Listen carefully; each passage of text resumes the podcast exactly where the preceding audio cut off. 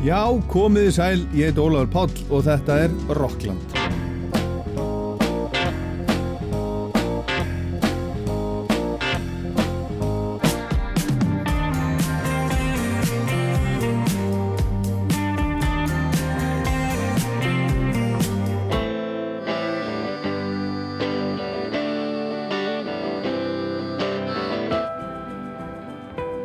Í Rocklandi í dag ætlum við að hlusta eins og stundum áður á heila plötu.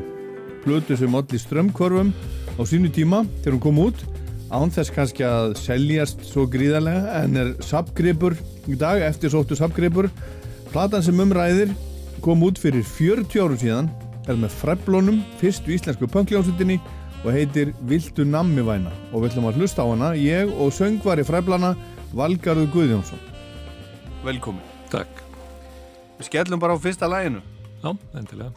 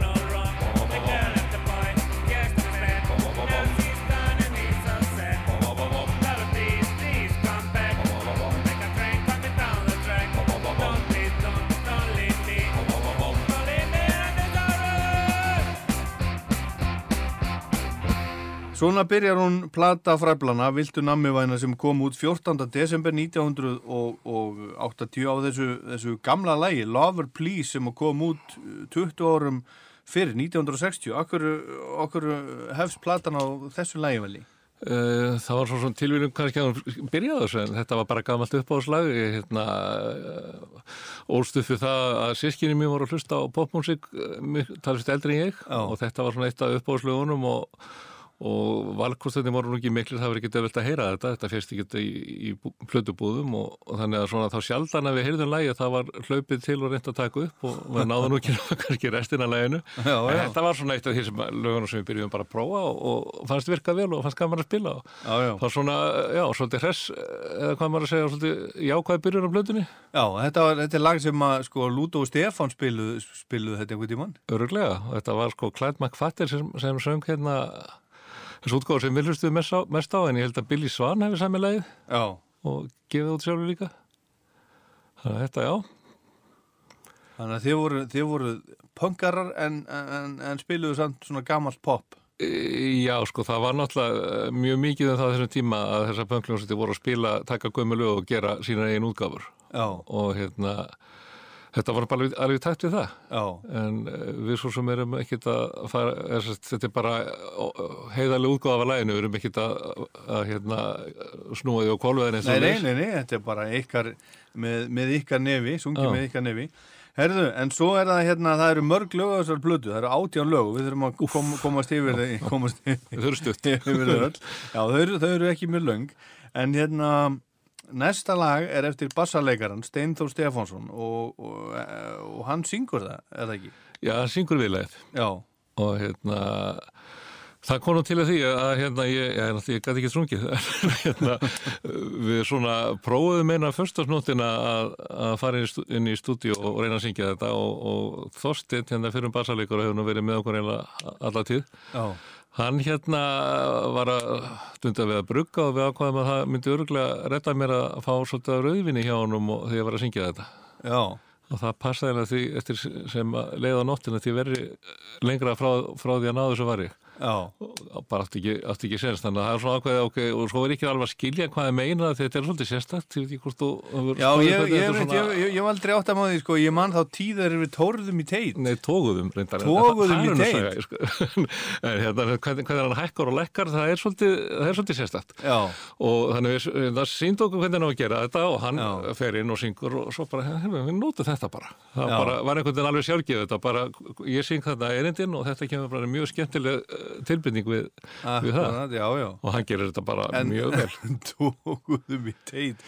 Er það, það eitthvað svona, e, e, svona eitthvað kynferðislegt? Sko, þetta kemur skýrst mér uppalega vestan, teitur hann það bara gleði, tóði teitur að skemmta sér. Já, og þaðan heyr, heyrir held í steinþórið uppalega svo vann hann, nú veit ég hvað, hvað maður má segja, en hann vann á skálatúnsheimilinu.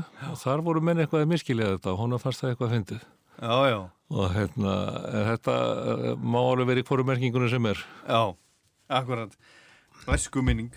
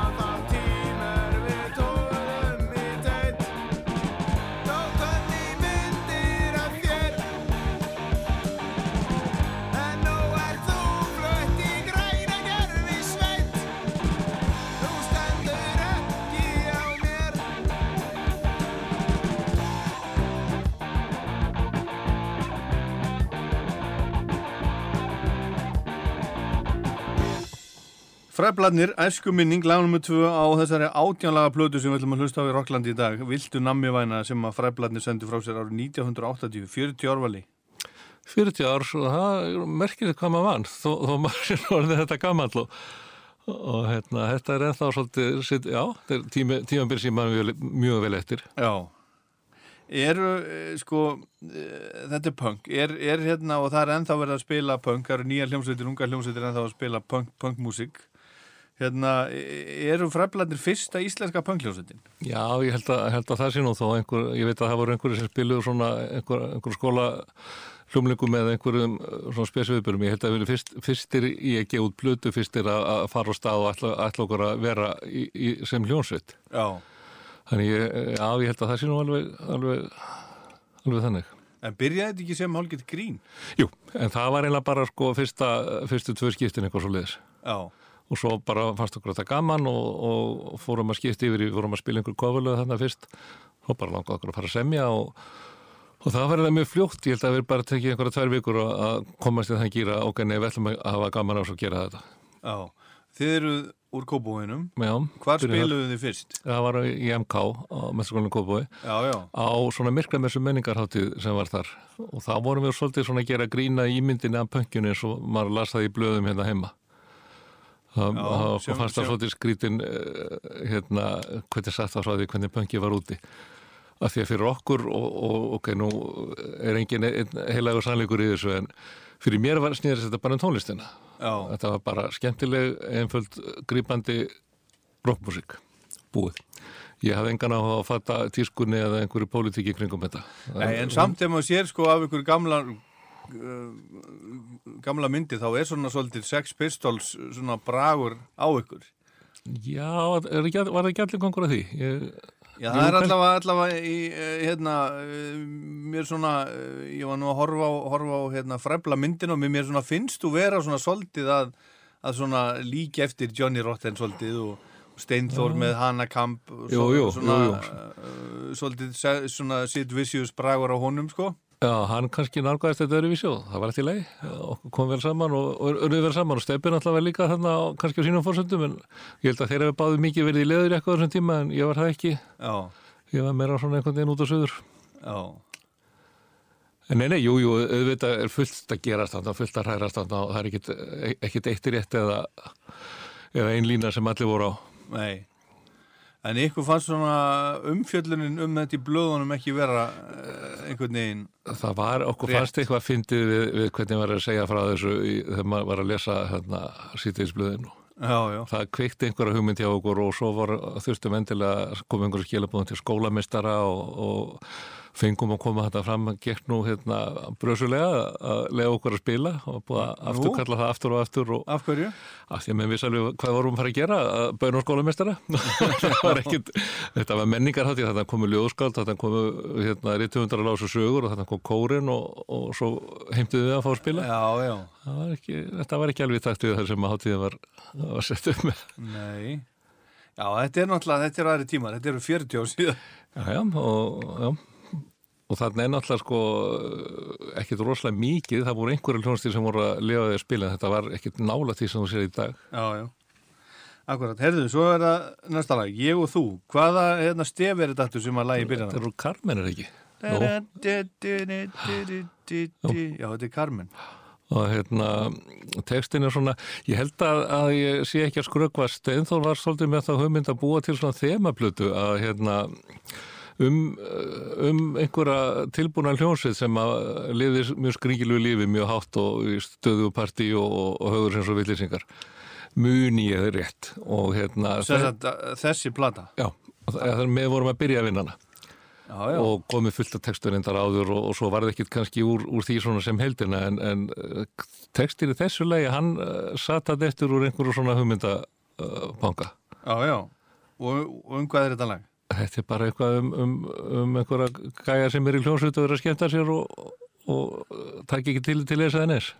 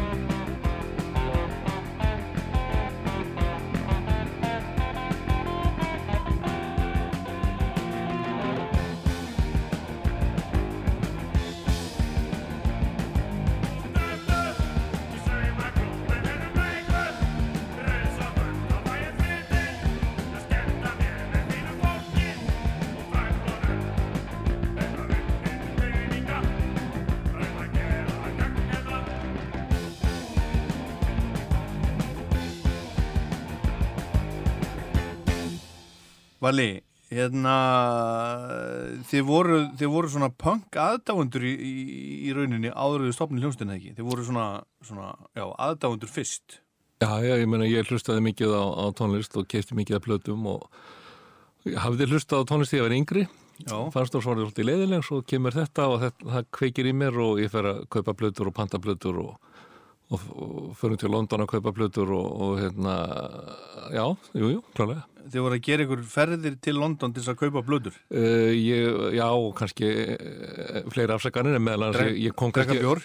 Eh, það, var, það fylgdi að sjálfsögðu, það var ekki, ekki erindið einhvern tíma fórum þannig einhverja kvikmynda hérna klúpsferð uh, en sko ég kom kannski heim með 30 litlar.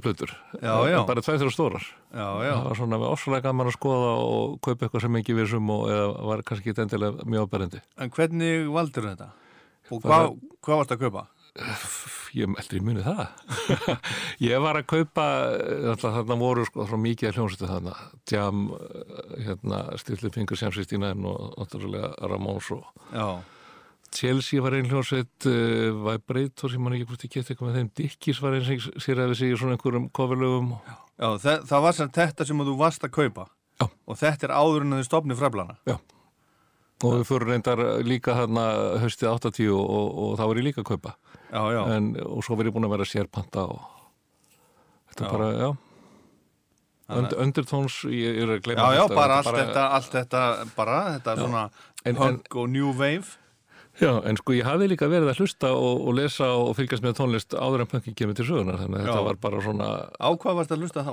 það var ekkit svo mikið af lúrvar, ég hlusti mikið á Kings manni, Já, uh, Tennessee, TCC Mhm. uh, Sparks manni að duttin hjá mér já, Steve Harley, Cockney Rebel já.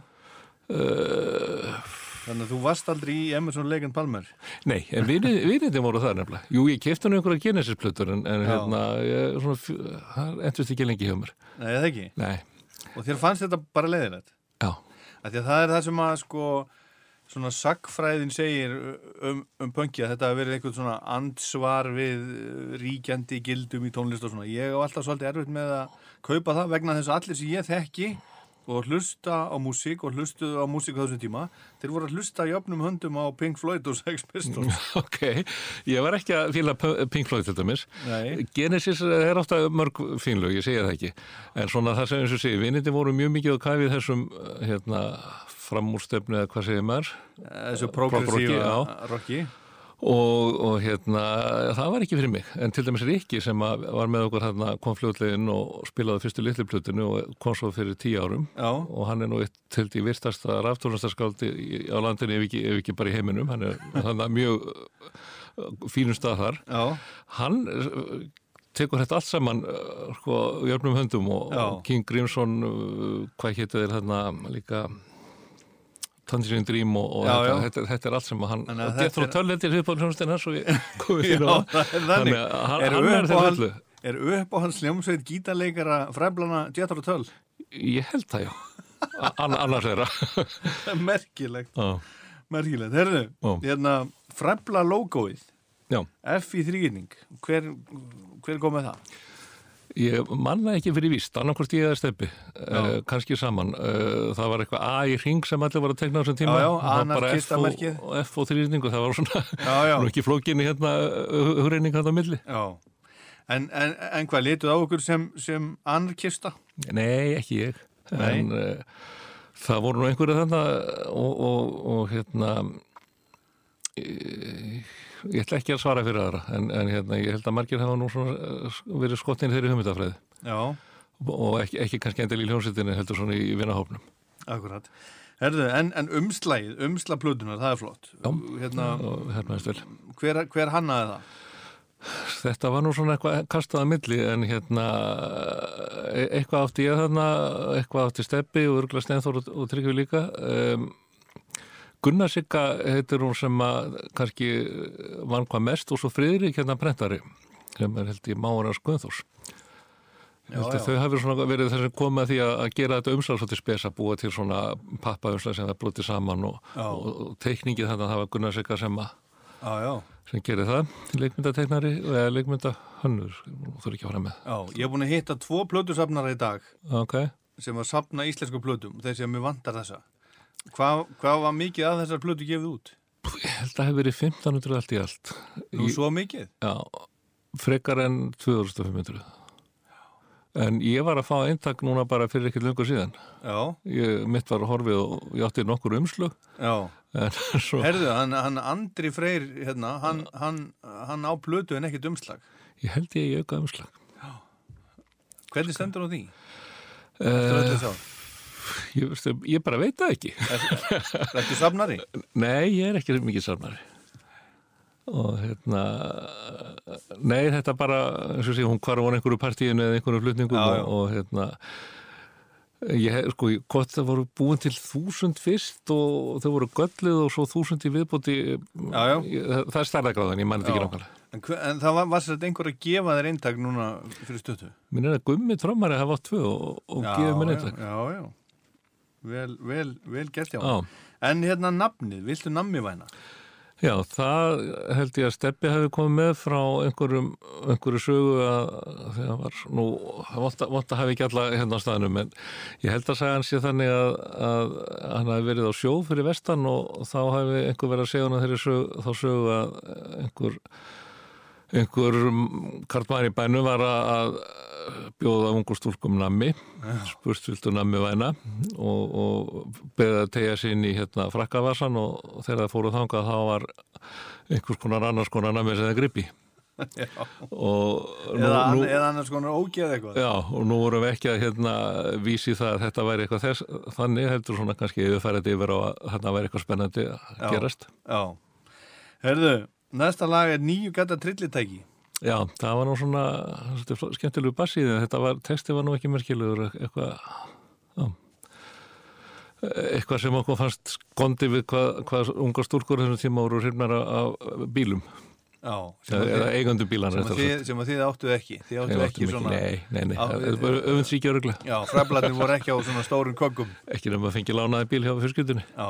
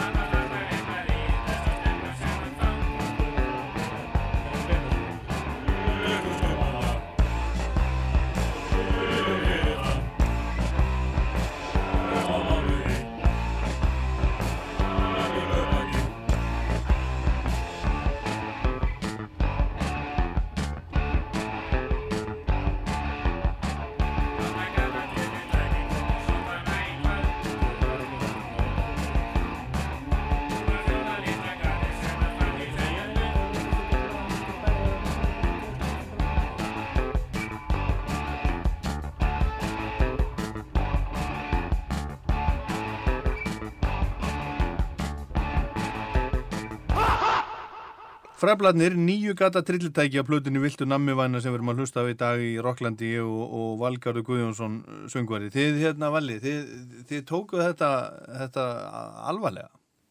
Já, já, já, já Við, hérna, Það voru alvarlegir ungi menn.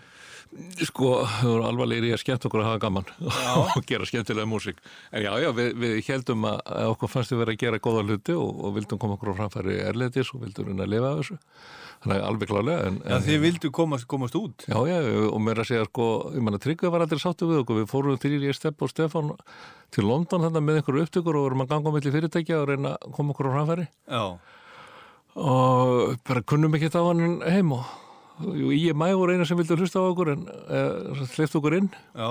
en voru ekki, ekki mjög hrifnir En þið voru ekki trættið við það að fara með, með þetta? Ég menna þetta var á íslensku. Nei, nei, já, Það hérna, það var auka að dreifara. Já, já, en hérna, ég man að Tryggva fannst þetta þessum peningum illa, illa varðið, það vildi að við kiptum okkur græjur og, og notum til að Já, gera þið voru að þetta nota sem sagt fræbla peninga Nei, nei, að bara okkar eigin peningar, hann Já, vildi að við tekja það og setja það í, í eitthvað Já, svona. já. En þið voru, þið voru sem sagt fjórir. Búin fjór, sko, já, á, á þessum tíma þá, þá erum við fjórir inni Reyndar sko Gunnþór uh, hljóðmaður og Bjarni Þór ljósamæður, þeir unni mikið með okkur á þessu tíma, þetta var svona uh, stór hópur, vinnahópur og þeir eru þarna meðlum í hljómsveitarinnar á, á plutunni en við vorum fjóri sem spiluðum þetta í rauninni. Já, og Steini hann semur slattaður sem lögum með okkur og hann spilar nú píanó á plutunni og eitthvað svona eitthvað komað því kannski á eftir. En megni til það erum við bara fjórir þarna og við erum fjórir að kera þetta áfram. Já Það er sem þú og það er uh, Stebbi og það er Steinþór og það er Tryggvithór Já, Stebbi trommari. Já, Steinþór bassalegari Steintor bassalegari og Tryggvi og gítar. á gítar. Já. Gítarhetja Já, og ekki, ekki þeir, þeim skilningi er mjög góð og samt. Já, það var ekki að taka gítarsólo nei en svona gítarlínur hann á, hann á, hann á sterkar línur já, já, já, já. Hvað, e, hvað, hvað var hann lengi í hljómsveitinni? Hann hætti um 2000 Já, já, en hann, hann hætti nú hætti 82 líka. En svo gleymi ég nú reyndar að Ara hann var þetta gítarleikari stuttastund en hann átti líka hluti í, í lögunum Já, og hann fór nú reyndar og synti tónlist og, og eiginlega bara náði held í ágættis viðkynningu sem slíkur í svona meira kannski hefðbundum pappi, já, já. Ara Einarsson. En hérna, já er sko, þarna nú veit ekki hvað hva við erum að vera að dunda okkur mikið í smáatriðum en er sko uppalega stofnum við þetta ég, Steini, Steppi og svo tveir vinnur okkar Barði og, og Haldón sem að hérna í MK þeir ætlu þess aldrei að vera neitt áfram og, og, og mjög fljótlega kemur Rikkin. Uh, strax eftir nammið þá kemur Assi Arnórin og þeir, við sem sagt Arnór Rikki og ég er, eru með þau í hljómsveitinni og Steini er svona á kantinum, hann leipur í skarðið ef Helgi kennst ekki og hann er með okkur í stúdíum og svona. Já, já, þetta er svona ákveðin kjartin sem hefur verið. Þetta er mikil, já hann- Þannig að þó að þú sért eftir af þeim sem eru á plötunni já, þá, þá er, er hópurinn sem er ennþá starfandi, eh, búin að vera starfandi ansi lengi og við erum að akkurat að taka upp nýja plötu. Akkurat. Og ég ætla hérna, ef ekki að bóka viðtal eftir 40 ár. Jó, endilega. Í næsta þátt Minnst að það. Já. Herðu, hérna, næsta lag uh, talað um Sex Pistols það er hérna Public Image. Já, já, hérna, okkur, okkur, okkur tóku það og, og þetta, er, þetta er allt öðruvísi heldur en heldur en lagið. Já, ég sko þetta var mikið af það að punkljósitu voru að taka hérna gömulög og punkaðu upp eins og var kallað. Og svo fannst einhverju fyndið að fara hinulegin að taka svona punklu og gera hérna gammaldags útgóraðum Já, Ég held að, mannstu til hljónastir sem heitir, eða hétt Alberto Ilost Trios Paranoias? Já, hef bara heyrstu um það. Grínhljónsitt og þeir gerðu útgáfa Anarkynni Júki sem var svona einhver dúap Já, útgáfa. já, já, það pluss einhverjum svona brandara sem að vera að lesa í, í bresku blöðum þetta var svona djók. Kvikti á að prófa þetta og þú veist, ég hef prófað náttúrulega fullt af hlutum. Já, Eh, Þetta hekk og okkur fannst þetta flott og skemmtilegt. Já, en hvaða, hvaða bresku blöð voru þið að kaupa og, og lesa? Uh, en, NMI, en í Musical Express og, og Sounds voru það sem ég kefti mest. Melody Maker aðeins þar varst að lesa um, um punkið Já. Já, og eiginlega sko kynist ég fyrst að lesa ég heyrði ekki neitt, ég var bara að, að kaupa þetta öru hverju að lesa bara því að það var tónlist og, já, já, og svo fyrir ég að sjá eitthvað punk og vissi ekkert að aldrei heist eina einustu, eitt einasta lag en eitthvað fannst mér sem heitlaði mig hvernig þeir töluðum tónlistina sem, sem að hérna kveikti áhuga heyrum Public Image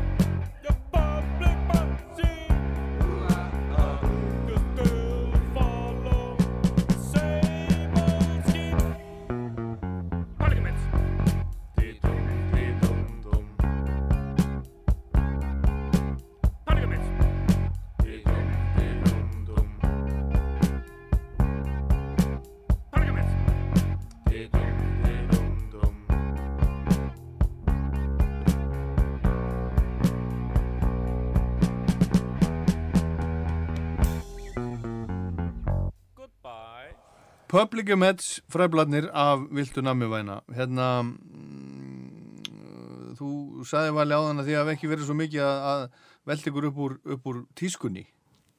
Nei, punk, punk tískunni. En þið voru samt svona ef maður sér ykkur í Rokki Reykjavík og, og svona þá eru þið þú veist, þið eru svona eitt aðal punk bandið Já, já, og hérna, þetta voru, voru kannski mjög smöndið náttúrulega hjá einstaka meðlumu hjá okkur og, og vinnum okkar. Það, en ég er kannski meira að segja, sko, við vorum ekki að þessu út af einhverju tísku, heldur við vorum að þessu að því að við höfum gaman á tónlistinni og það var það sem áttum sammeðlitt. tónlistarinnar vegna Já. en, en þið voru, sem sagt, þið voru þið voru klættir eins, eins alla daga. Þið voru ekkert að klæði ykkur upp þegar þið spilu á tónleikum eða svoleiðis? Ég átti nú til að fara í jakka fyrir því ég voru leiður á að, hérna, fólk var að hvert ég var ekki nóg punkaralegur Já, á, á, svi, á sviði, sko. Já, já, og hérna ég manna sko, tengt þess að það var var einhver bylgja svona ekki að vera í leður einhverjum heldur. Við vorum að kaupa gömul fött og spreyja þau og, og, og lita þau. Já, og það, ég var svo sem alveg, alveg smiðið því eins og hverju öðru. Já, já, það, já, kannski þar vorum við eitthvað að þessu já. en það var bara sko, þetta er skemmtilegt ekki að því að við erum að fylgja einhverju línu Nei. En hérna, ég hef, hef heyrt að þú sért ekki ánaði með uh, svona, sko, heimildirna sem eru, eru til af ykkur. Það er nefnilega svolítið sérstætt með þessar heimildir sem eru til af, af hljómsveitu. Það sína kannski ekki alveg rétt að mynd. Ég menn eins og, eins og sko, það sem er til af, hérna, ef við fyrir lengra eftir í tíman, það er heimildir sem eru til um hljómsveitir eins og hljóma eða dumbo og steina og eitthvað svona. Það sína ekkit endilega hljómsveitirnar eins og það er voru en það er heimildir sem eru til um ykkur eru, eru Rokki Reykjavík og, og til dæmis Melarokk og ég hef heyrt að þú endilega sáttur við svona hvernig þið komið þar, þar fyrir?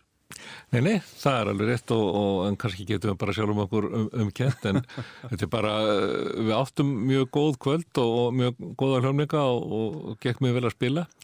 Þetta voru bara, þetta var Rokki Reykjavík tekið upp á sunnundarsettimindi Já, í fellahelli. Uh, bílstjórin var komið græðunar, hann sopnaði þannig að það var allir farnir þegar lóksins hann komið græðunar að það var hent upp einhverju svona í flýti. Já, og engin stemming lengur um, melar okkur okkur, okkur það var einhvern veginn gekk illa að koma okkur að þar og svo vorum við settir inn þarna setnipartin og einhvern veginn ekki neitt stemmingu heldur. Já, já, en uh, svo áttum við örgulega líka vondkvöld þess á millin en mér fannst þetta ekki gefa svona kannski þá mynd sem að ég allavega hefði í höstum af hljómsettinni nei, ykkur fannst þið vera góðir. Sjálfsögðu. Já, og, og aðalega fannst okkur að vera skemmtilegir. Skemmtilegir, skemmtilegir. Og, og uh, góðir. Hérna og svo eru þið í, í, í Rokki Reykjavík. Ég hérna horfði á fræblamyndina núna í vikunni áður en að uh, svona til, til þess að se- setja maður þessi gýrin okay. fyrir þetta. Og hérna og þar eru nokkur uh, klipp úr Rokki Reykjavík. Þeir eru svo, þeir eru svo kokki þeir eru svo hérna uh, þeir voru bara svona við, við sérstaklega steppi trommari við erum lang besta bandi á Íslandi og allir ok, já, já, eru, jú, jú eru við- lélegir og get ekki neitt og veit ekki sögðum við það já, já, þeir voru Já. alveg rosalega svona Ég- Ok, ég, nú lansi ég horst á þetta því mér finnst, finnst þetta ekki vel hefnað en mér minnir endilega við verið mjög passasamir að, að tala ekki niður til annara tónlistamanna. Já, þú segir endur á einu stað eh, eitthvað, ekkert persónlegt en svona, en þetta er bara hundleiðileg tónlist Sko, ég, ég man það, ég bara setti mér það einhvern tíma upp að mér finnst tónlistarsmekkur fólk sem, sem að hérna, knúði þetta áfram, ekki skemmtilegur og ég, ég þóttist við að mjög margir af þeim sem voru kannski að lifa bara því að spila svona uh, uh, hvað segir maður það sem að seldist eða var vinsælt. Já, já, þeir hefðu kannski alveg meira gaman að spila eitthvað uh, meira spennandi. Og það var meira þar sko sem að hérna mér fannst uh, tónlistarsmekkurinn og það tónlistin sem var í gangi ekki mjög skemmtileg en ég var ekkert endilega að beina þeirri gaggrinni að tónlistamörnum já, já En þið, þið tala ég hefði passað svolítið upp á þetta. Ég hef örgulega satt einhverja við þessu líka.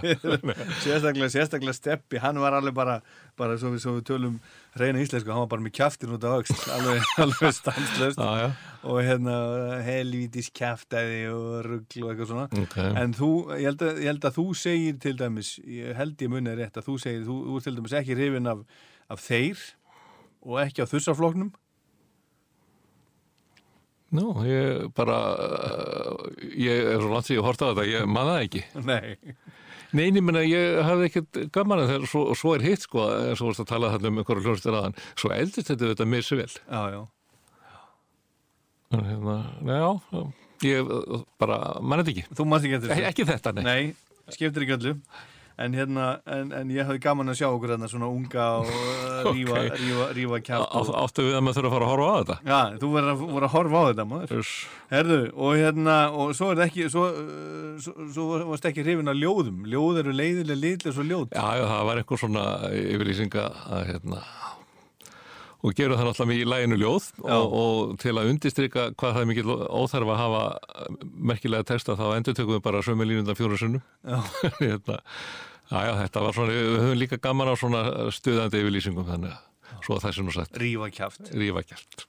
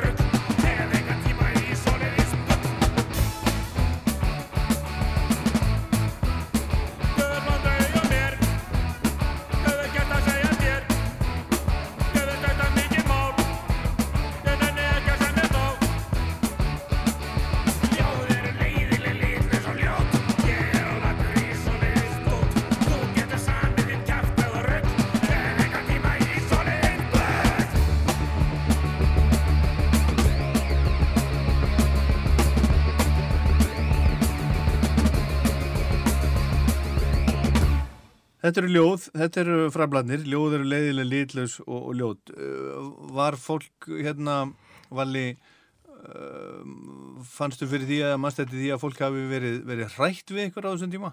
Nei, það held ég ekki, Er það ekki? Nei, alls ekki En þeir eru eins og, eins og, eins og þeir komið fyrir í Rocky Reykjavík, þeir eru svona, þeir eru svona gang, þeir eru svolítið svona svolítið skjálfileg. Ég skal ljóta, ég upplifði það ekki þannig það ekki? Nei, að meira svona að, að hérna, ég upplifði það að fólk var alltaf að koma að rífa kæft við okkur og hund skam okkur og segja hvað við verum hérna, hve- hvernig við getum nú gert hlutina betur Já, já. og, og hérna, gott ef að ljóð kom ekki til að því að e- einhver var að skam okkur fyrir að textaðin okkar væri svo ómerkilegur og, og, og lélegir og verið nú engin ljóðskald þá þurfti maður náttúrulega að snúa þessu bara á kolf En les Valgarður ljóðabækur í dag? Já, já Já.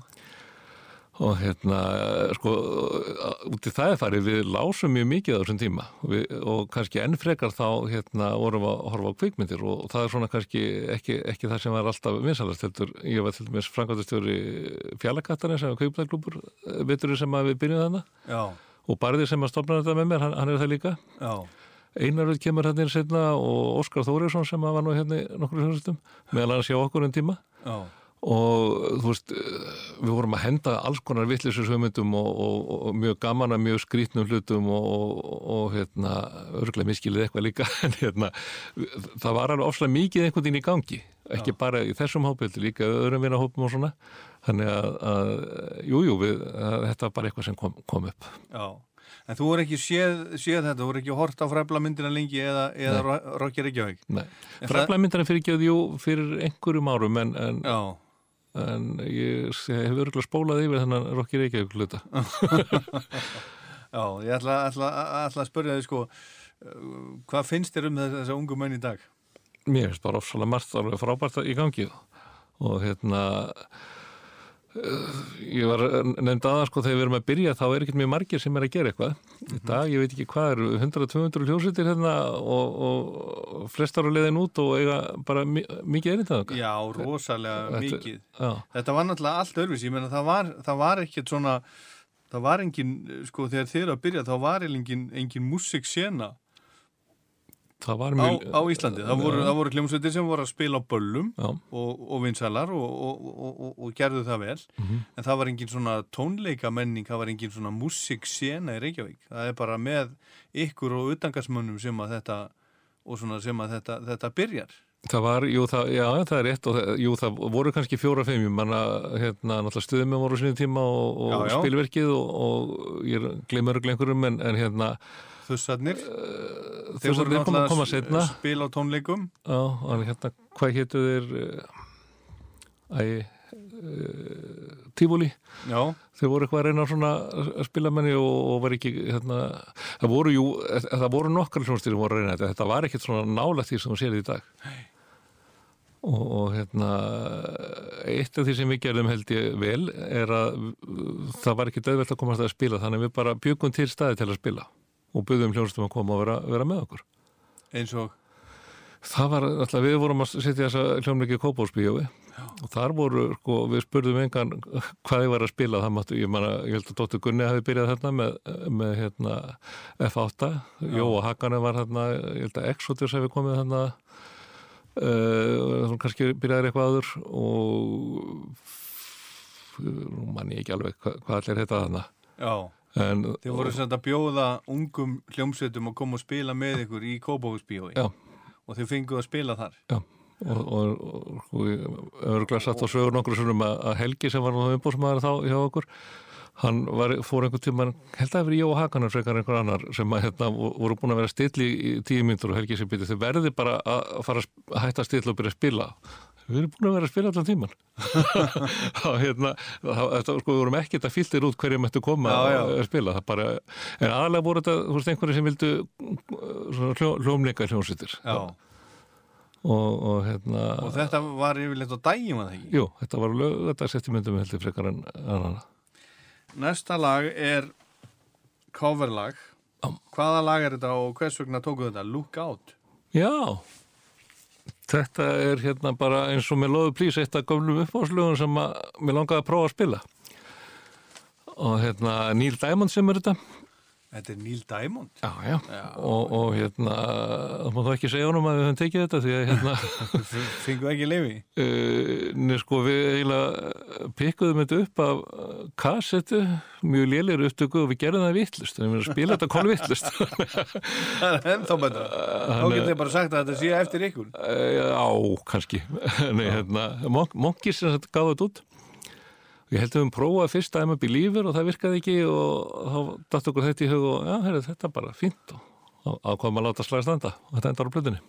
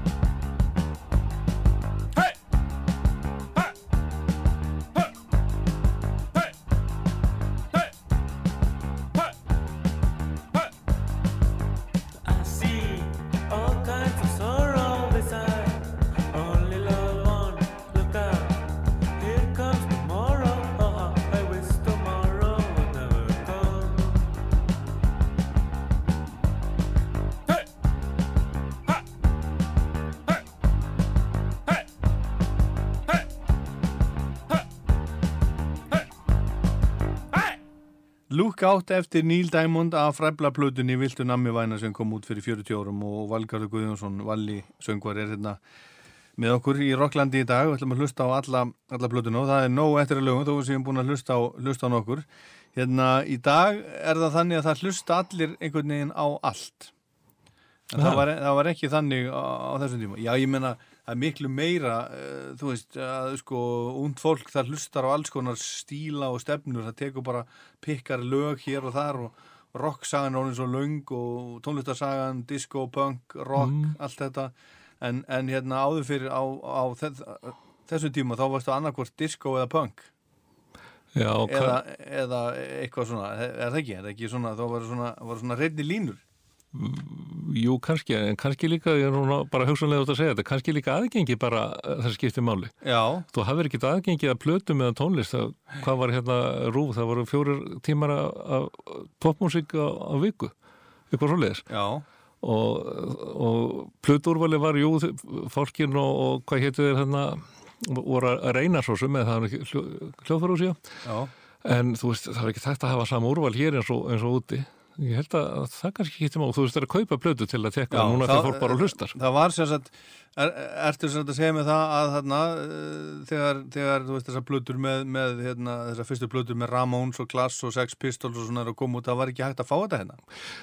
Þessa, þessi, þessi hlustu komu, ég sögði nú mikið í þeim uh, hjá fólkanum, ég kynntist þeir náttúrulega því að það verið að kaupa plötur áður, að, flytja þetta inn, en það var ekki þetta auðvelt að fá til, dæmis litla plötur, sljónsti sem gaf út eina litla plötu og, og búið. Já, það var ekkert, eh, þú fannst ekkert mikið af þessu, en- stóru nöfnin komu hingað af þessum svona e, úr þessum pönkjara.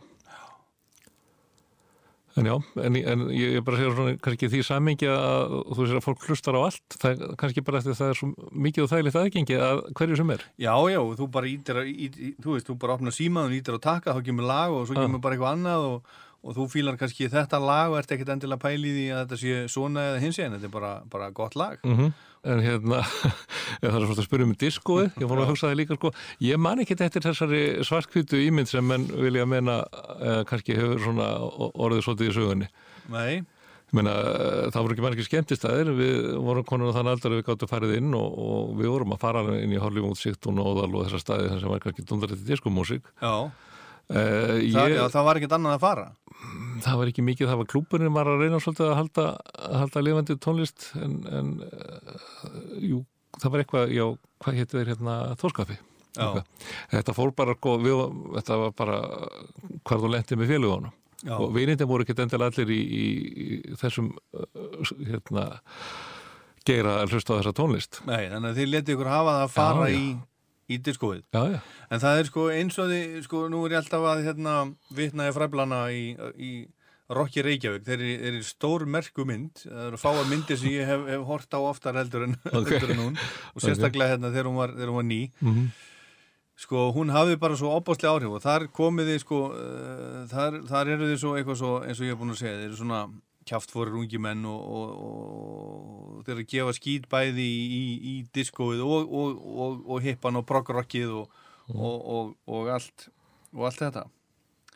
Hérna en, en uh, ykkur fannst þetta allt í lagi kannski allt saman bara? Nei, sko, nei, nei, nei, nei Mér fannst ekki gaman að hlusta á diskomúsíkina uh, vísferi, en þú veist ég gæti alveg farið að skemmta mér með fólki sem var að hlusta og við gætu verið inn á einhverjum þessu skemmtistuðum já, Þannig, og þetta var ekkert svona eins og mér finnst sumir upplifa eða sagja að vera þannig að þetta hefði verið einhver svona bara algjörlega svart og hvitt og einhver gyrðing á milli. Já, Þannig, að, hérna, en eini, ég hef ekki gaman að segja tónlist, alls ekki. Nei. En í dag? Nei, Ekki. Herðu, en hérna, hvað finnst þér um, um hérna, uppáfskrínið í, í, í dag í, í, í læginu Hippar? Og hvernig kom það til? sko ég held að þetta sé Mikki Pollock sem talar hérna fyrirrættina Já, Afi, og, hvað gerir í stríðinu? og hérna Steini bassaleikari fyrirrætti, hann svarar honum ég held að Gunnþór hef átt hennan þetta komment, ég hérna geti eins og ekki ímynda með hvað vorum að hugsa að setja þetta fram að við þetta lag það var svona, það var bara einhver dilla sem einhver kom með og að prófa og svo, svo hekkið inni Einhver fannst þetta að fyndi bara á þessum já, tíma. já. En, en í dag, hvað finnst þér um þetta í dag?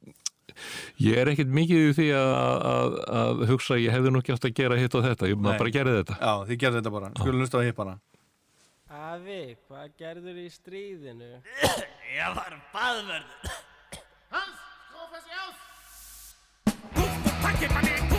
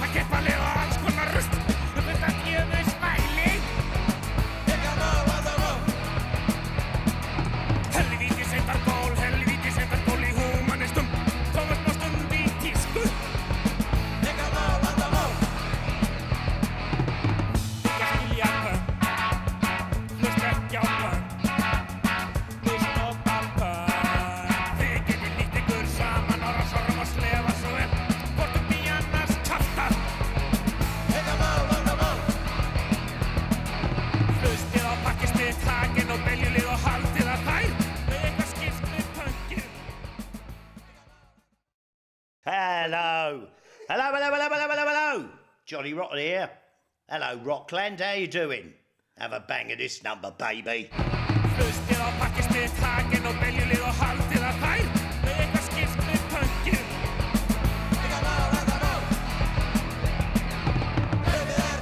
Þingið ykkur nú. Drekkið ykkur nú.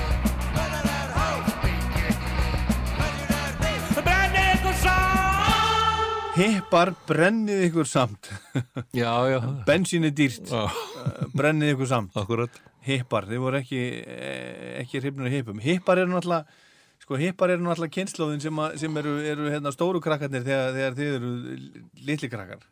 Já, já, og hérna, mér fannst tónlistin sem fylgdi hippunum ekki mjög skemmtileg. Nei, Um, mér fannst svolítið mikið um, og þetta lag kannski kemur svolítið inn á það, að mér fannst uh, margir þeirra að setja sér svolítið á háan hesta og sæði einnistæði fyrir því. Ég man eftir einhvern tilvíkur sem að kveiktu þennan texta.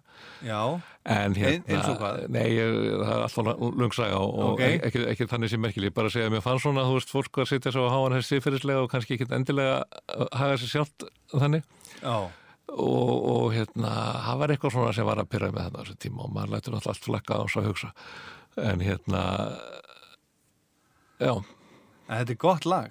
Já, já ég, eins og ég sagði rétt að ég, er ekkert að spá í hvort ég myndi gera þetta í dag eða ekki, við spilum þetta bara í dag. Kultúrpakk, hippalið og alls konar rust já, já, já, Þið getið nýtt ykkur saman á rasshárum, það ekki? jú, jú, Og slefa svo vel hvort upp í annars kjafta. Ég held að Steppi hefði átt hennar frá sig Já, það kemur mér ekki, kemur mér ekki, ekki á óvart. Eh, Þetta var svona, eh, svo, svo var líka svona, kannski ekki, ekki gott að lýsa í út af sviðtæli, það var bara eh, stemming í kringum okkur, það að segja eitthvað skrítið og ruttalegt og, og, og farulegt í kannski lægi sem okkur fannst vera mjög bara eh, seint og fínt poplag, sem kannski öðrum fannst vera argasta að það er að segja, að hérna, okkur fannst einhver húmor í því. Já. Herðu, hérna næsta lag, það er eftir, eftir uh, Steinþór. Segðu mér aðeins frá, frá Steinþór. Hann er, hann er lungu dáin, hann var, hann var úti Hann var úti á fyrir eh, ja, rúmlega 30 árum. Já. og hérna hann kom náttúrulega já, mjög svo. Og því að hérna eins og hann var nú frábær tónlistamæður og hérna þá svona hafði hann nú átt uh, kannski ekki gengið allt mjög vel hjá honum. En hann var svona loksins komið þetta með barn og komin á rétt ról og komin góða konu og, og var virkilega komin á svona rétt ról þegar þetta verður. Og þetta er eitthvað slís hann hérna held að detti þarna með að veitur einhvers þar úti, hann ætla að lappa heim og, og verður úti. Já, En hann kom sem sagt í hérna, suður, hann er frá Akureyri og hérna til að spila með snillingunum, Anna Daniel og, og þeim félugum, og það var ekki þar endar og svo þegar Steini hættir þá prófum við að plata hann til okkar og hann var, var til í það. Og hann á náttúrulega fullt af þessum lögum og, og hérna kannski þegar við komum með FIA þá segir hann frá, frá því en hérna hann var þegar hann var sko, þegar hann var hérna í góðum gýr þá var, var hann alveg frábær bassaleikari Já. En hann var í Q4U líka, gítarleikar í Já, Q4U. það- Er, er það ekki á sam, sama tíma? það kemur aðeins að það eftir, að sé kannski 81 Já. Og það er náttúrulega Guðnþór þar líka Guðnþór var búin að vera félag okkar og vinnur í, í uh, góðan tíma Já. og þetta er svona ákveðin hópur sem er svolítið að skemmta sér saman líka og hittast og, Já, en var, var, það, eh, sem sagt, það var ekkit litið hotnu að hann var í, í Q4U líka? Nein, ekki þannig, við vorum oft saman að spila hvað sem er þannig að það var ekkert mál Já. Herðu, við skulum heyra hérna Dauði. á Steinþór Þarlag Já, hann er allavega skrifaði fyrir lægin og þeir skrifaði saman fyrir textan. Já, ok, Það er allavega þannig umslæginu á, á, á diskinum. ok, þá bara er það þannig Já. En, en er einhver uh, saga? Nei, nei, þetta var bara svona eh, kannski ætti það sem ég segði ráðan svona eh, eitthvað um það endar þarna að fræblandi séu það besta sem fyrir getur komið og svona einhver svart, svartagals eða svart sínis framtíðasín sem er nú í fleiri lögum þetta hjá okkur ég veit ekkert ekkur vorum eitthvað svo mikið upp úr þessu. Þetta var eitthvað svona gera öðruvísi en, en uh, venjulegir uh, höfbundir poptestar. Kannski eitthvað eitthvað eitthvað mátti leikja til bíómynda sem vorum að horfa á eða bókar sem vorum að lesa. Ég, ég svona get ekki alveg nefnt að konkrétt dæmi. Eða hvern dæmi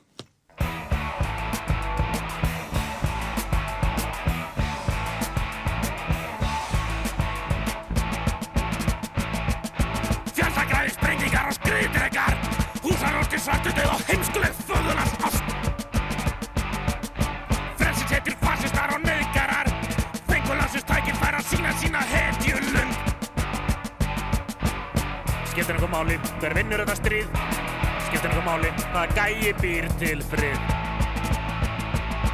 Kröfulappi loksins setti herinn heim. Þjóði liði inn á sinni fögru fósturjöð. Friðarstyrjast hundsins fór svo öskrandi. Allir sendu sprengjum til að kanna ástandið. Skiptir einhver máli kanabásin er.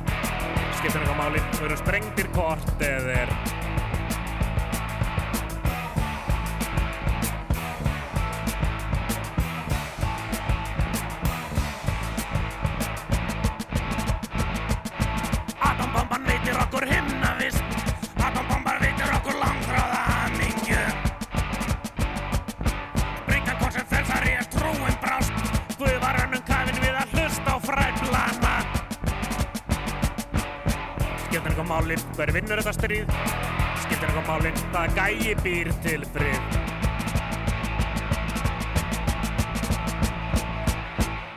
Fræbladnir döiði loka lægið á alliðinni á plötunni Viltu nammi væna sem kom út árið 1980 fyrir, fyrir bráðum 40 árum síðan og, og uh, valli næsta lag uppáfslag björliðarinnar það vakti nú aðtegli meðal æskunnar á sínum tíma.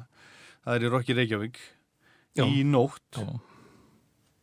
svolítið dónulegt Já, já, eigið þetta þú, og- þú og Steinþór Steinþór átti lagið alveg, alveg eh, hreint. Já, Hva, hvað, hvað, hvað, hvað voru það að fara með þessu? það var svona kortir í þrjú gæin eh, sem var mjög frægur á þessum tíma eh, hérna, þegar ballstöðunum var loka klukkan þrjú. Já, það var svolítið íkt og, og, og ruttaleg frásugn að- frá hans sjónarhóli og svolítið fyndið fannst okkur. Og, og hérna, stuðandi vissulega. Það hafði, var engin, kostur. það hafði engin sungið svona á Íslandi á þessum tíma? Nei, held ekki En þetta er uppalega lag, sko, Steinþór kemur með þetta til snillingana og þá er þetta við skulum ríða burt í nótt og er svona með eitthvað par sem ætlar að, að hlaupast á brott og, og ríða út í sveit eða út fjörðin og já. skilja allt eftir. Eh, einhvern tímann kom hann heim til mín á sunnundarskvöld og var að spila þetta fyrir um kassagítar og þá kveiknar þessi hugmynd að snúa þess testanum á kolv og, og gefa okkar útgáða á þessu lagi. og hann hefur verið til í það Já, já, já. En eini við náttúrulega, eins og við segjum, við höfum skrítin húmar og, og, og hérna, höfum gaman af að stöða og, og gera hluti sem kannski voru ekki hverstaslegir. Á maður ekki að gera það þegar maður er, er tvítugur? Jú, Já.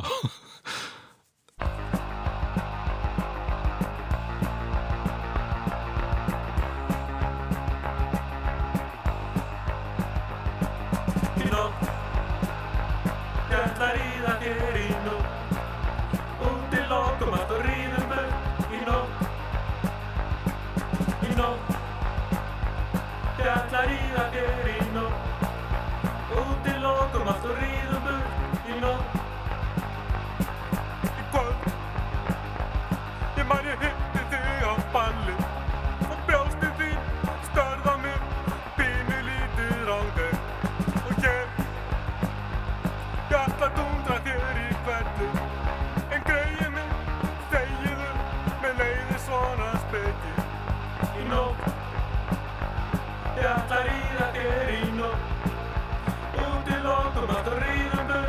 No.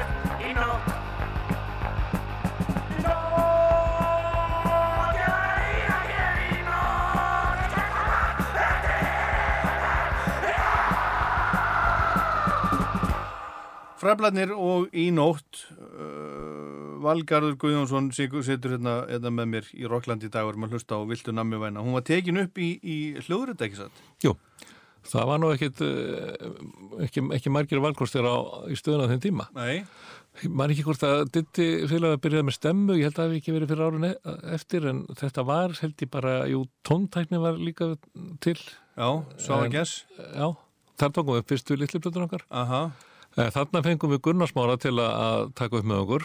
Og hann var ekki lengi að gefast upp og bara, hann gafst upp á okkur? Já, já, já, hann hérna, hann, Af hverju? bara við kunnum ekki neitt og vissum ekki hvað vorum að gera, vorum, vorum bara að út, út, út á túnni. Já, já, og kom með inn í stúdíu og þú veist verið að taka um einhverja plötu og, og við sem ekki hvað er upp og niður að gera plötu og hann, hann einhvern tíma rauka hann út og inn, í, inn á kaffistofu bara vil ég koma þessum mönnum í það út? Og, og hérna þá var Siggi Bjóla fengið til versis já, og hann uh, hérna hafði nú ansi mikið að segja. Já. Og hérna komið fint uh, margar hugmyndur og, og kannski hjálpaði okkur líka svolítið við að uh, sko, einfalda sándið, þetta gítarsándið, ég held að hann hafi svolítið leitt tryggva áfram í það. Já, með svona þessum uh, flansir effekt en svo því sé haldið til haga þá unnum við setna með Gunnar Smára bæði hérna, myndunum að Saps og, og fleiri myndum og, og hérna tók upp uh, með okkur setna og, og bara allt í góðu mill okkar já, já en mér finnst það svolítið fyndið En talandu sándið, ég hérna, hlustaði á plötuna í helsinni og, það er svolítið misjátt sánd á henni. Hún er, og það, það er ekki mjög heilstift í rauninni. Sérstaklega sko eins og gítarsándið, það eru, það er alveg svona karakter munur á mill, milli laga.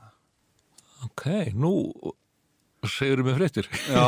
hérna, En það, þetta var allavega það, það, það sem ég heyrði, Já. það var hérna svona, einmitt svona flanser sánd á, á, á, á einhverju og svo var það ekki og, og, og það er svona, og þau eru svona misbjört einhvern veginn.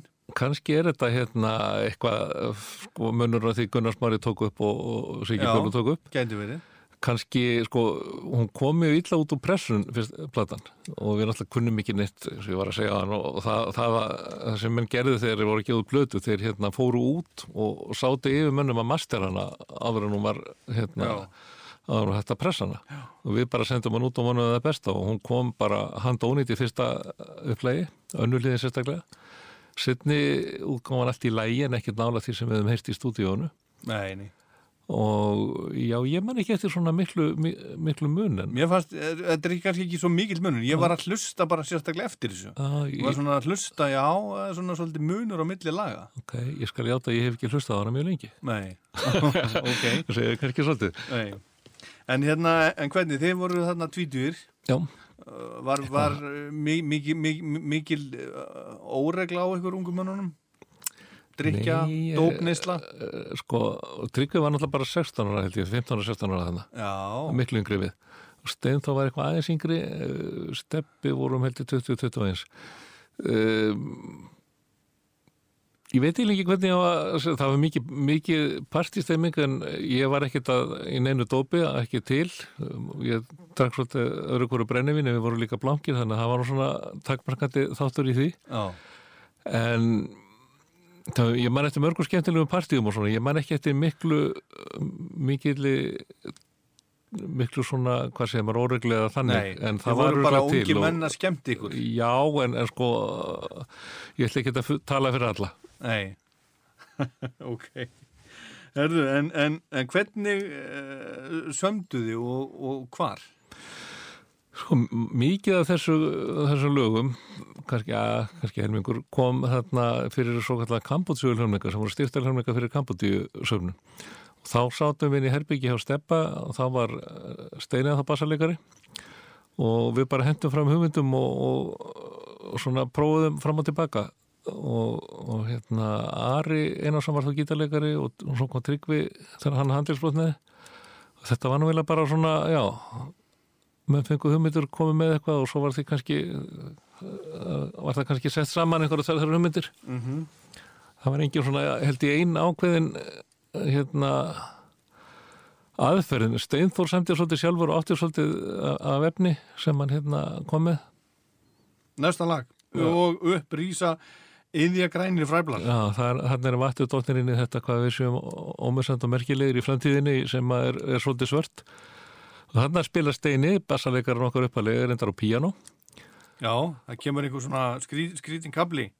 Já, og ég held að byssuskoti séu einhverju hérna, dollarabíómynd sem við stálum og máttum við ekki nota. Já, En hérna, nei, nei, þetta er svona, já, það kemur, kemur undarlega kablaðin í restin og, þannig að bara það dætti einhverjum mitt í hug og já, virkar þetta? Já, ok, þá, þá bara fer þetta. gerum það. Já. Hlustum. Já.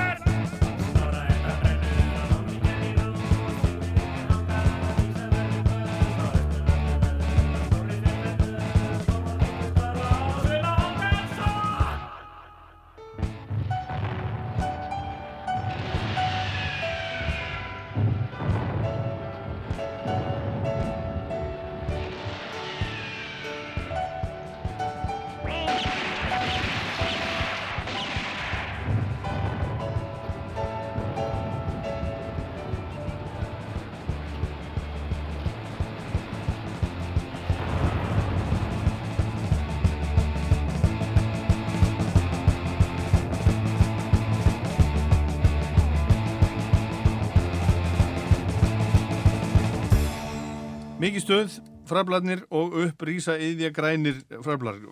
Hvaðan kom þetta uh, nafn, Valli? Fræblarnir, með, með þremu bíum.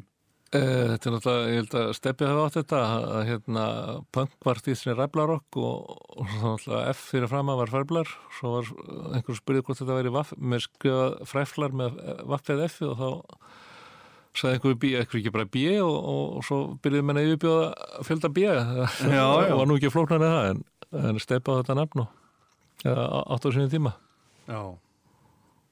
Fræblarnir, gott nafn.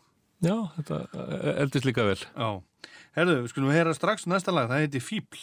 Já. Hvað, hvað er, uh, hvað eru skáldin að, fara þar? Eh, Þetta lag held ég að hafi orðið til þannig að okkur hafi, að var eitthvað stýttast í stúdíu, vantaði efni og vorum að spila á hljómleikum. Við vorum þetta oft með hljómleika í Kópórsbíói og Steinþór, hann var svolítið á, á svona á flækki gisti hér og þar. Stundu gist hann í bíónu bara á- kom sér fyrir á, á sviðinu. Og ég held hann hafi ákveðið að semja þetta lagina nóttina fyrir hljómleikana og ég held að hann eigi þetta alveg sjálfur, svona langbæstileiti og ákvað bara og bassinu það er eitthvað mjög skemmtilegur bassi í, byrjun, þetta er alveg hans hérna, En, var hann sagt heimilislaus? hann var svona hann, hérna hann kom fyrir hann, hann var að hvort hann var að leia og fekk að gista hjá einhverjum ætningjum st- um tíma og svo mist hann já, hvernig er að ég orða þetta hann, hann, það komur svona dagar og dagar sem hann hafði ekki þetta engar stað til að vera vilt, hann hefði gist stundu hjá mér og stundu hjá Stepp en ekki, ekki mikið aðalega átt hann einhver ætningja og svo var hann að leia og leia með einhverjum og þetta var svona svolítið rótleysi.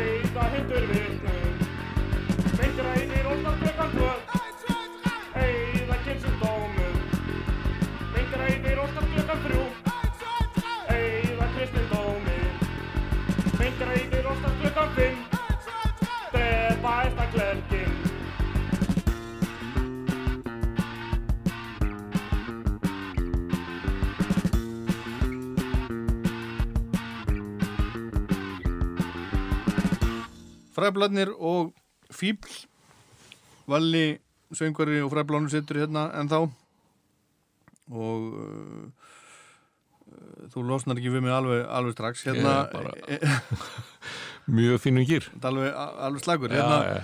sko uh, Steppi, hann sýnir þarna frábæra takta. Hann er, hann er svolítið hérna flott, hann, hann er bara flottu trommari, spilar Mjög- hratt. Já.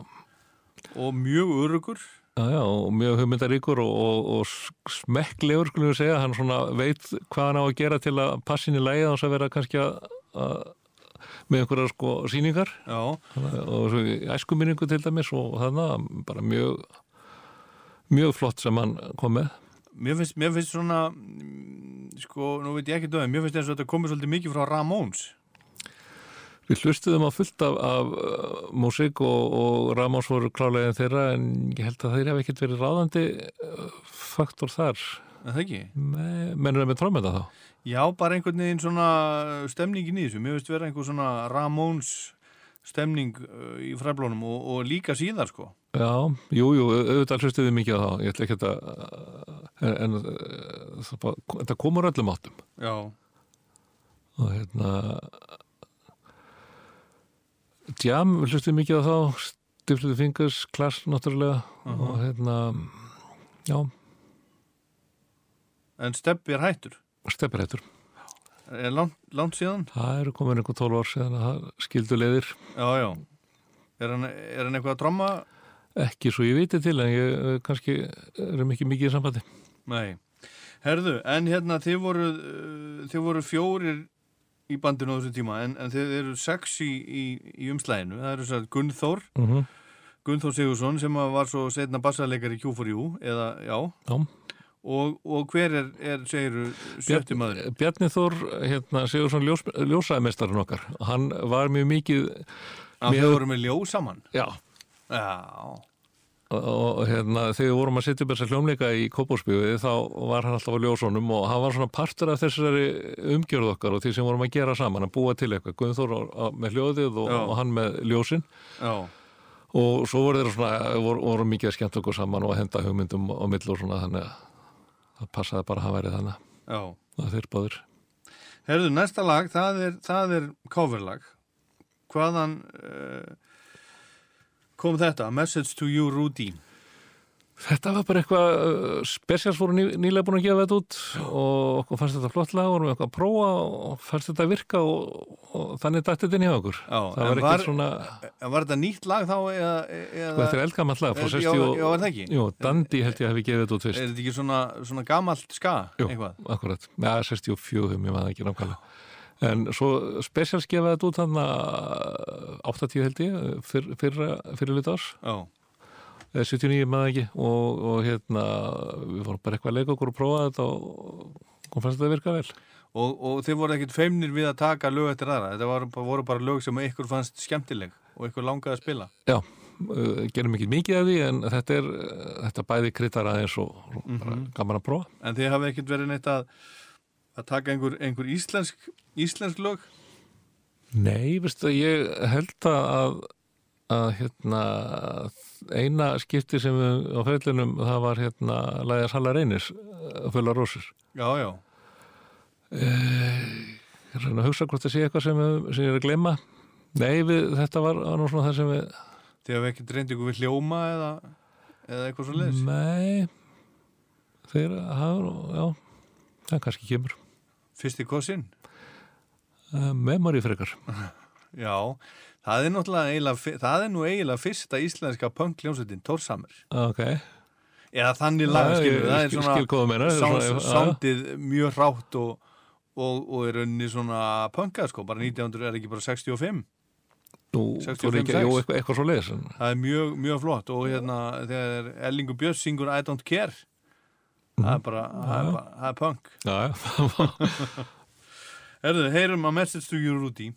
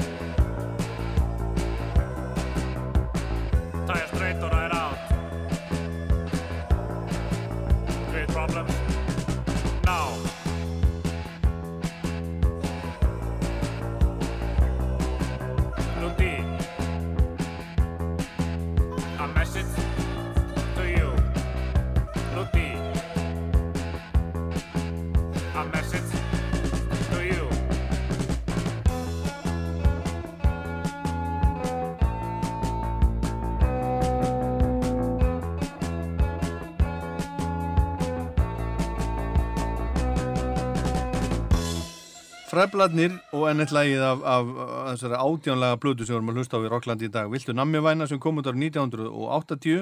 Uh, hvað var mikið, sko, sko Valli, hérna, hvað var mikið lagt upp úr góðri spilamennsku? Hvað, þú veist, uh, þú veist, vildu þið vera virkilega flinkir, góðir? Nei, það var ekki, ekki markmiði sjálfur en uh, það er hins vegar alveg frálegt að halda að við höfum vilja að vera lélegir eða eitthvað í þáttin eða, eða, gerst eitthvað uh, gerst eitthvað, hérna, lagt eitthvað upp úr því að, kunni ekki að spila eða gera þetta ekki vel við reyndum auðvitað að spila eins og vel og við gátum og, og, og hérna höfðum okkar stíl, ég menna Tryggvið sem gítarleikari, hann er ekki allar en hann, hann sko smellpassa við það sem við erum að gera þarna. Steinþór hann er ofsálfattur bassarleikari Steppi mjög frumlegu trommuleikari og, og báðir og allir ráðaði mjög vilja það sem er að gera. Aha. þannig að það, var- það var aldrei neitt, neitt markmið að vera ekki að gera vel en við vorum heldur ekki að sína hvað erum flinkir hljóðfæraleikarar. Nei, það, var ekki, það var ekki aðalmálið, en til dæmis bara eins og, eins og Ramones og Klass og Sex Pistols og Stranglers, þetta er allt saman uh, topp spilamennska. Já, já, og, og hérna þeir, sem- þeir sem eru í hljónsettinni nú, sko, hérna, tryggvi og, og plötunni fyrir ekki er, er, þar eru- menn svona held ég allir sjálfmentaðir Já. en bæði Steini og Rikki og Assi þeir eru allir talsverða mentun í Já, sem er í dag. já, og voru þetta með okkur í uppæði áður, en- að kemur á naminu og er, er, Steinar að semja með okkur á naminu og, já, já. og eitthvað lærði ég líka þó að það sjálfstum kannski ekki hérna, Já, ég, ég viss alveg út á hvað, hvað þetta gekk þó Já, ég var ekkert mikið mentaður E- Ertu sér að tónlistaskóla gengin? eitthvað, eitthvað mjög lítið en ég einhver einn veitur allavega ná Já, læra hvað? gítar Já, já. En þú, þú spilaðir ekkert, á gítar þarna? nei, nei, nei, ég, ég samdi á gítar hins vegar Já, þú varst farin að, þú, þú, já, þú gerði það. Já, já, já. En okkur, okkur, okkur spilaður ekki á, á gítar á, á sviði á þessu tíma? Mm, Fyrsta leið þá kunni ég það nú ekki eða var, var ekki engan veginn nógu góður því ég hafði ekki taldið í við og svo bara fannst mér ég hafa annað að gera Já, menn í dag finnst mér fínt að geta haldið á gítarnum og, og, og hérna strömmað aðeins með. já, Já. En hérna, sástu stranglins í lögatarsvallar svona tíma? já, já, Já. það var voru, voru frábæri tónleikar og, og mjög skemmtileg upplifun og við veit að breyttu mjög kveik, kveikti í mjög mörgum að fara að spila Já, það gerði það. Já, já. Þetta, eh, þetta Hel, Helgi til dæmis, hann, var, þetta var algjör upplifun fyrir hann Bassaleikari í dag Helgi Brím. Já, Helgi Brím Já, já, já. Já, já, þannig að þetta er svona allir strömmkörfum í íslenski tónlistarsögu. Alveg- alveg klárlega. Þessi tónleikar. Já, ég var náttúrulega fann að hlusta á þessa músiklöngu fyrr en, en hérna mjög margir he- hafa sagt mér að þeir hafi bara, þetta var einhver eitthvað sem að bara kvi, kvikt í þeim að fara að spila tónlist Já. var. En þú sást ekki klass. Ég sá ekki klass, ég var einhverju fílu þar Þú fórst í fílu. Þið, þið, þið áttu að spila þar. Já, mér, ég, mér skildist það að væri búið að samþykja við spiluðum og svo sagði ég einhver, eitthvað sem var ekki mjög politist rétt í einhverju viðtali og þá var okkur ítt til hliðar Var það út af því? Mér skilst að ég ætla ekki að fullir í dag Hver, hver er hérna, En, en svo, hvern móðgæður? Uh, ég sagði eitthvað að klassfærum sniðu ég er að semja hérna, að græða á að semja sósíliska test eða eitthvað í þáttina Já, sem, sem er svolítið fyndin hug- hugmynd. Og, og ég held að þetta hann verið hérna, John Lydon sem sagði þetta ekki, ekki komið frá mér einu sinni. Já, já. en hérna, þetta fór eitthvað illa í, í fólk. Það var, þetta var svona átt að vera mjög politist um, umhverfið þarna. En uh, ég hugsaði með mér sko, það er enda tvennt sem kemur til. Bæði þá var verið að frumsina hérna Óðal Ferrana myndina Sarps Gunnarsson þennan dag. Já. og það var stórt partí upp í bústað hjá honum. Og, og hérna, ég vann, vann við hana. Og svo hugsaði með mér ok, ég er ekkert að fara að sjá það hérna. Fyrst að við meðum ekki spila, ég fyrir bara út og horfa það senna sem ger aldrei. Já, það það er svona það er, bara ágætt að vera að, þetta bytna bara á mér þessi hérna, En hvað varst þú að gera í óðali feðrana? ég var tillaðar aðstofalegstjóri og framkvæmtastjóri sem Já, já. og var svona, þýtti það ég var bara snúast og redda og var með hrafnum með leikurunum þegar vorum undirbúið myndina og svo var þetta meira svona snúningar og Já, svo var þið setna í hérna okkar á milli, þar, þar ertu að leika og, og þið að spila. já, þar er ég komin í annan, annan, annan gýr en var aðeins svona að kíkja á hugmyndir að handritunum með honum þannig að hérna, Já. Herðu, Og- næst, og- næsta, næsta lag, það er hérna, ég uh, var að hlusta á þetta og, og, og, og, og klóraði mér að sér hausnum. Ég man eftir þessu þegar þetta var, þetta, þetta var nýtt og, og, og hérna, Negrofíl í Paradís. Hvað, uh, hvað er að gera þar? Hjá, hjá, hjá ykkur ungum mununum. þetta er sem sagt hérna sami fyrir kampútsjúrlumlingana og alltaf þurftum við að finna einhvern svona ruttalegan og vendan og vendarlegan punkt til að vinkil til að tækla hlutina. Og að okkur fannst mjög grípandi og ljúft poplag með svona ruttalegan texta, það var einhver húmor í því. Svo fannst fyrst einhverjum öðru þetta ljúft poplag það er að segja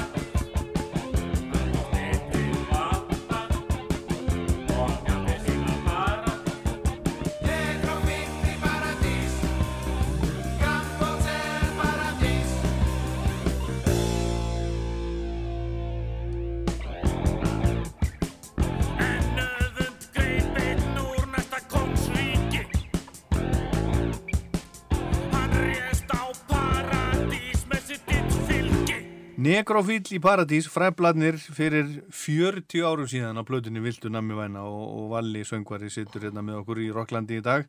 Hérna uh, sko sömur sömur af þessum punkljóstu voru, voru að- með svona einhverja voru að mótmæla uh, voru, voru þið svona að mótmæla einhverju að- svona almennt var eitthvað svona yfirlý stefna við mótmælum Nei, ég held að við höfum reynt meira að sé að forðast svona einhverja, einhverja þannig politík og fundist hún ég fyrir svekar hællarisleg. Já, En uh, aftur eins og ég uh, sagði, sko, kannski voru, voru við ekkert endilega allir á sömu byggjulinn þar. Nei En punki var svona, það var nú svona frekar eh, það var nú svona frekar til vinstri eða ekki heldur en, heldur en hægri á sínum, sínum tíma svona almennt. Uh, já, kannski, anarkismi er það til vinstri eða hægri. Já, ég veit ekki, það, það er einhver staðar hangir það einhver staðar eins og, eins og sólinn yfir öllu. Já, já. Ég, ég veit ekki, mér finnst, mér finnst svona eh, einhvern veginn, þið, en þið voru, þið voru ekki þar þið voru ekki, þið voru ekki svona vinstri pólitík. Nei. Og ég sko aftur ætla ég ekki að alhafa um alla meðlimi hvað þeir fannst. Við, fundum bara sæmiðlega áhuga á, á allt öðru nótum. Já sem var bara tónlistin sjálf. tónlistin já og, og svona kannski einhver bilaður húmor og, og stuða fólk og, og einhverja svona hugmyndur á vangaveltur sem við gripum hérna og þaðan en hérna við vorum ekki svona í einhverju pólitíski baróttu eða neitt í þá þetta Nei, en samt smá, þið voru eins og næsta lag, það er hérna, það átt að heita F.I.H. Það ekki? En, en það heitir F.I.A. Já, Þorðu ekki að láta það heita F.I.H. Nei, okkur fannst líka einhver húmor í því, ég ma- man nú ekki alveg hvað hvað var á bakvið það, en það var eitthvað, eitthvað, eitthvað, sem okkur fannst skemmtilegt líka. En þarna til dæmis, ég manni vorum að taka þetta upp að það gekk alveg bælumælega, við vorum að sátum held í heilan lögadaginn í stúdíu að taka þetta upp. Já, Og það var stundum var þetta hægt, stundum var þetta hratt og það tryggvi sleitt gítastreng og, og hérna, trómursandi og mjölitt og alltaf spilaði stein þó hérna þennan bassa bara, ég held að hann hefur spilað þetta í fjóra-fimm tíma bara algjörlega feilnóndulust aha, og, og segi kannski hvað var orðin, orðin góðu bassarikur á þessum tíma. já, já. En hvað, hvað höfðu þið á móti F.I.H.? Æ, já, það var það var eitthvað með það þeir vildi ekki lega okkur að koma fram í sjónvarpi eh, nema að fylgja sagt, eh, reglum um taksta. Við vildum sagt, spila og, og láta líka með til hlutakvort sem fengi borgað fyrir það Já, já. og Já, þið vilduð ekkit endilega fá borga? eh, ekki á þessum tíma, við vildum bara koma okkur á framfæri Já, og hérna okkur, já, það var eitthvað mér ég man ekki nákvæmlega hvað, hvað við vorum að þrasa við það, þetta var já. bara En eitthvað þetta var svona F.I.H. farið í raskat. já sem, að, sem að hérna nú kannski getur við í dag en eins og, eins og ég sagði ráðan ég hérna hvort ég, það ég myndi kannski ekki gera hlutin í dag, það bara skiptir engu máli við letum bara það flakka sem við kunnum að metta þessum tíma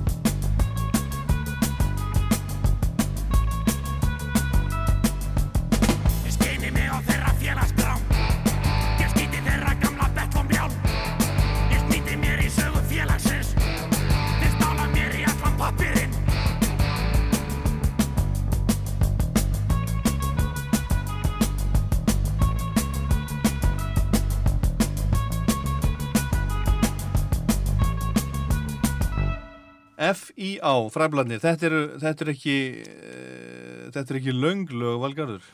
Nei, þetta er átjánlega plata og ég er svo sínum stýttir en flesta blöður en koma á þessum tíma Já. Þetta, var lag, þetta lag var 1 og 13. þó það er langt Já, Var það, það eitthvað markmið hjá okkur að hafa þetta svona stutt? Já, það var það nú og hérna bæði afturlega ekkert að vera að hanga endalust í, í gangi og frekar að byrja bara nýju. Já, ekkert progg. Nei, nei og bara og búin að koma punktunum til skila og komið að næsta. Já. Það var einhver svoleiðis hugsuniti og bara, já. En hvernig, sko, hvernig tókst ykkur að koma því til skila sem að þið voruð að syngja? Ég meina, heyrðist vel, heyrðist vel í þér á, skilur við, menn þetta voru náttúrulega alls konar ónýta græjur sem að þið voru að nota það ekki og svona á allavega hana. Jú, jú, og hérna, nei, ég held að það hafi mjög lítið heyrst og, og lítið skilist og sem betur fyrir kannski sem er tilvikum. hérna, eins og hérna kemur hérna einhverju lagi á eftir, en en, hérna, textandi voru ekki datriði hjá okkur og í mörgum tilvikum koma, komaði bara í stúdíói á síðustu stundu. Við erum kannski búin að spila lagið í halvt árið ár og, og, og svo kemur textin bara setna. Já, já. En þið vildu, nú- þetta var nú samt svona, þið vildu stuða og þetta var húmor og þetta var svona ádeila og ég myndi nú ekki segja að textandir skipti engu á þessari blödu. Nei, nei, en, en svona á þeim tíma þegar vorum að spila kannski, við vorum ekki að spila því að við höfum eitthvað að segja, við vorum að spila því að við vorum að, að gaman á tónlistin. Já, já. Akkurat, gaman að því að, gaman að, því að rocka, spila Já, punk. já. En hvað, hvað er hérna, við spil bara svona, hvað er punk? Já, ég, það er alltaf verið að hérna, segja mér ég sé ekki punkari eða, eða stilla, stilla upp einhverjum svona skilgrinningum. Ég ætla ekki að segja að ég hafi réttari skilgrinningu á því en annað, en fyrir mér er þetta bara ákveðin nálguna tónlistinni. Þetta er á að vera einfalt, þetta á að vera rátt, þetta á að vera skemmtilegt og, og já, það er eiginlega líkur þetta. Rátt, einfalt, skemmtilegt. Það er punk. Gripandi rock, já. Já, grípandi rock. já. Og stundum Átt, áttu betri? Nei, nei, og, og stundum coverlög eins eins og, eins og næsta lag. Þennan kistur, er, er þetta ekki Phil Spector? Jú, ég held reyndar að við höfum verið að hlusta á einhver útgáfi Kings af þessu lægi þó hvað dætti í huga að taka þetta og ég að bassalína hefur kannski verið svona það sem kveiki fyrst í okkur. Þetta kom líka út á blödu með Kiss. Já, ok, nú reykur um að gætt. Ég held að þetta sé á blödu sem að heiti, er þetta ekki bara á Love Gun sem kom út 1978 eitthvað svo leys, 77-8. Ég hlustaði ekki á Kiss. En hérna, svo breytum við nú aðeins textuna þannig, ég veit ekki hvort það svona má Jó, gera svo leiðis. I smashed her, er það ekki? Já, eitthvað með, með fóröldrarna. Já. en hérna en já, já Nei, nei, og þetta er eins og ég segi, við bara flott basilið og prófa þetta, já, þetta virkar og þá eh, er það með.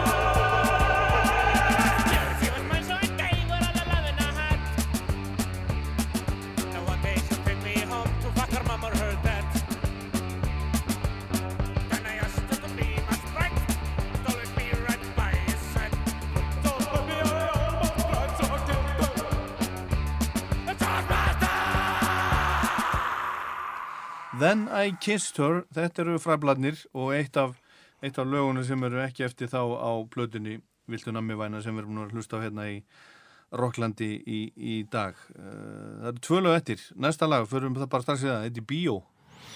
Já, já. Þa, er- það, þar kemur til dæmis að texta sem ég er ákvæmlega fegin að enginn skildi eða heyrði. Okkur. Þau eru lokaðir inni ef einhver hefur skildið þetta. Eh, Nei, þetta er bara, eh, sko, lægi verið til þannig að Ari Einarsson var gítarleikar á þessum tíma og, og hérna, okkur mantaði einhver lög og, og segja, þannig kemur jú, þú varst að spura Ramóns og það er eitthvað að segja, kannski vantar okkur eitt svona eitthvað Ramóns eh, legt lag inn í, inn í eh, flóruna hjá okkur. Og hann fussaði og sveigjaði og alveg handónýtt og ekkert værið í þetta þessar Ramóns og, og við segjum, ég meina, hvað meinar þú? Semdið þá, getur þú semið svona lag? Og hann tók okkur orðun og samti lagið og bara á einhverjum hérna korteri heldi og, og svo verður textin, það verður svona aftur eh, hljómsveitin Albert og Íljós Tríós Paranoia sem voru svolítið einhverju snöff-múvi hérna, syngjum svoleiðis og einhverja myndir sem við höfum séð kannski að það heyrtum og, og verður til þessi bilaði hugmyndum einhverja gauðra sem er að gera svona bíómyndir um það sem verður að drepa fólk Já, í alvörinni. í alvöru eða ekki alvöru snöff er, er þetta, jú þau gerir það í alvöru en þetta hafa nú verið meira um minna feik en þetta var svona bara einhver aftur eh, hérna grípandi og, og ljú popmelodía með, með kolklikuðum texta. En þú mátt ekki, mátt ekki fara með henni hérna sko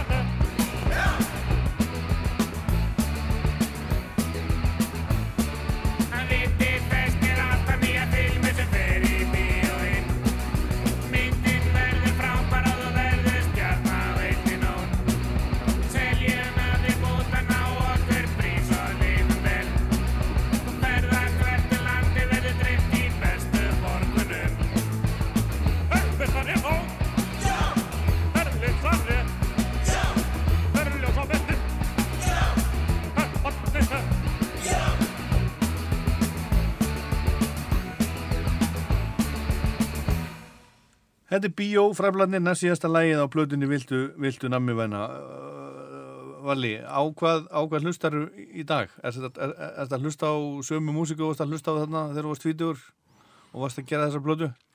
Mm, nei, ekki endilega. Ég hérna, reyndar hjónun höfum og gaman að því að taka svona kvöld þar sem finnum einhverja undarlega músík frá undarlega tímum og, og hlustum á hérna og þaðan.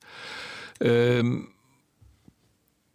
Byttur nú við, ég er að reyfi hvað, hvað, ég hef lúmst gaman að Pólu Veller sem að kona mín hefur ekki.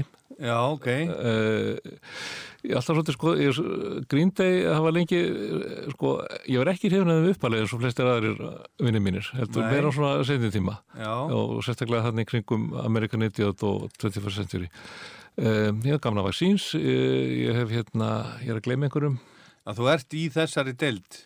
En hvað með, dæmis. en hvað með svona nýju, þessi nýju svona uh, punkbönd eins og Idols, Fountains DC, Fountains DC, já. Shame, mann ekki eftir þeim, en, en svo hlusta ég mikið eins og ég gerði í gamla þetta, ég var alltaf að kaupa litla plötur. Ég hlusta svo mikið á bara svona hingað á þanga já, og ég, það er mjög sjaldan ég hlusta á orðið á heila plötu eða hlusti bara á einhvern tónlistamann já.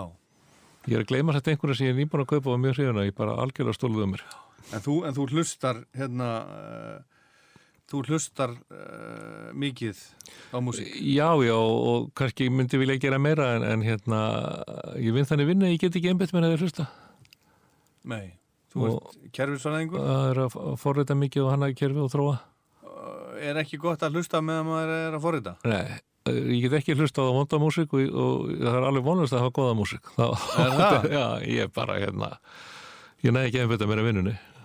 Hlustar þá ekki, ég- ekki á neitt Nei. til þú ert að vinna? Nei. Merkilegt maður. Já.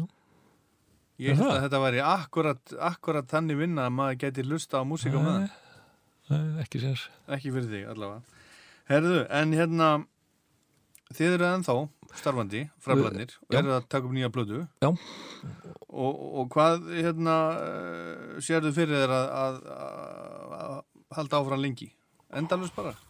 Þá getur liðið bara rökkvið upp á Nei, ég ætli það ekki, nei ég, ég, og gamalsaldri. Ég er ekki að hugsa, hugsa svo langt í rauninni ég, hérna, núna erum við að kæfi þessar nýju plötu við erum konið með einhver tíu, ellu lög við ætlum að reyna að bæta við 2-3 Já, og vonandi kemur hún út er svona, það svona, svona stutt?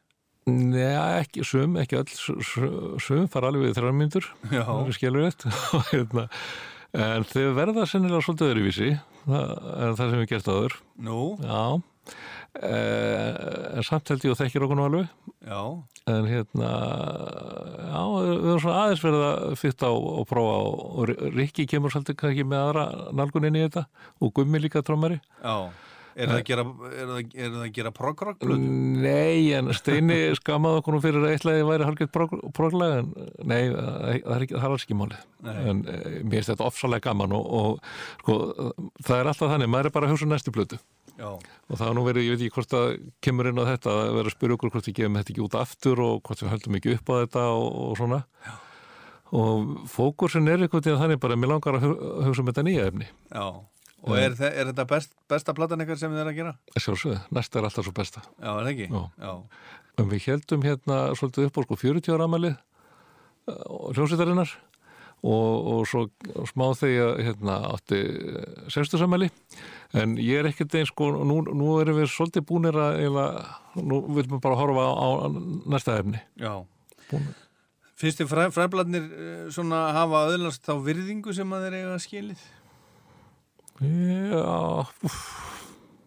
Þetta er erfið spurning. Eigum við skilið einhverja virðingu? Já, ég menna, þið eru fyrsta Já, íslenska já, ég- bankljómsveitin og þið eru ennþá starfandi. Ég eftir 40 ár, rúm að- 40 ár? mér finnst margt, margt, margt merkilegt í þessu. Já, takk fyrir það. Ég, Jú, ég held að viti mjög margir af okkur og ég held að við heyrist að við höfum nú haft eitthvað að segja. En hérna, já, já ég hef ekki bara að segja já. Já, herðu Valli, það var ekkert eftir um að síðasta lagi. Það heitir 20. september 97 Já, Hvers vegna í óskapunum? sko þetta var eina þessum svörtu framtíðar eh, sínum og, og einhver skrítin húmor þarna Dagsinningi kemur úr einhverjum brandara uh, hérna, einhvern íra sem að fyllaði svo mikið viss að sjálftrykkjandi úr þess að komið á hérna, 20. september 1997 Þa, það kemur dagsinningin en, en hérna Þetta var bara einhver dagur fram í tíman og, og þetta var bara dagur eins og hver annar. En manstu hvað þú, þú gerðir hennar dag? Dóttur Gunni sendi mér tölvupost og mynda á annars Já. hérna hef ég ekki, hef ekki tekið eftir því Nei, nei 20. september 1997 eða 97, Ó. merkilegt Herðu Valli, við skulum bara heyra, heyra lagið hérna, hvenar kemur nýja platan út? Við erum vonandi að fara inn í stúdíu fljótlega kannski næsta mánuðin og þetta verið ekki sumar, haust. Ætla Gunnar Smári að vera með ykkur? Nei, hann, var verkum en hann býr ykkur stæð fyrir norðan held ég. Ríkur útastu þar og, og fylgjast nú aðeins með hann þar en, svona, ekki- en nei, nei, það er hérna Svenni, Sveit Kjartansson hefur verið að Já, já. verið, tók upp síðustu plötu og tók grunana þessari og, og var nú hann klárið þetta. Nú mestu með okkur. Já. Herðu, til hamingju með, með nammið, til Takk fyrir hamingju það. með, með, hérna, með 40 árin Takk, og, og uh, takk fyrir komuna, fræbladi lengi lífi. takk fyrir Takk fyrir mig Þetta voru við, ég, Ólafur Páll Gunnarsson og Valgarður Guðjónsson og fræblónum. Þetta var Rockland. Takk fyrir að hlusta.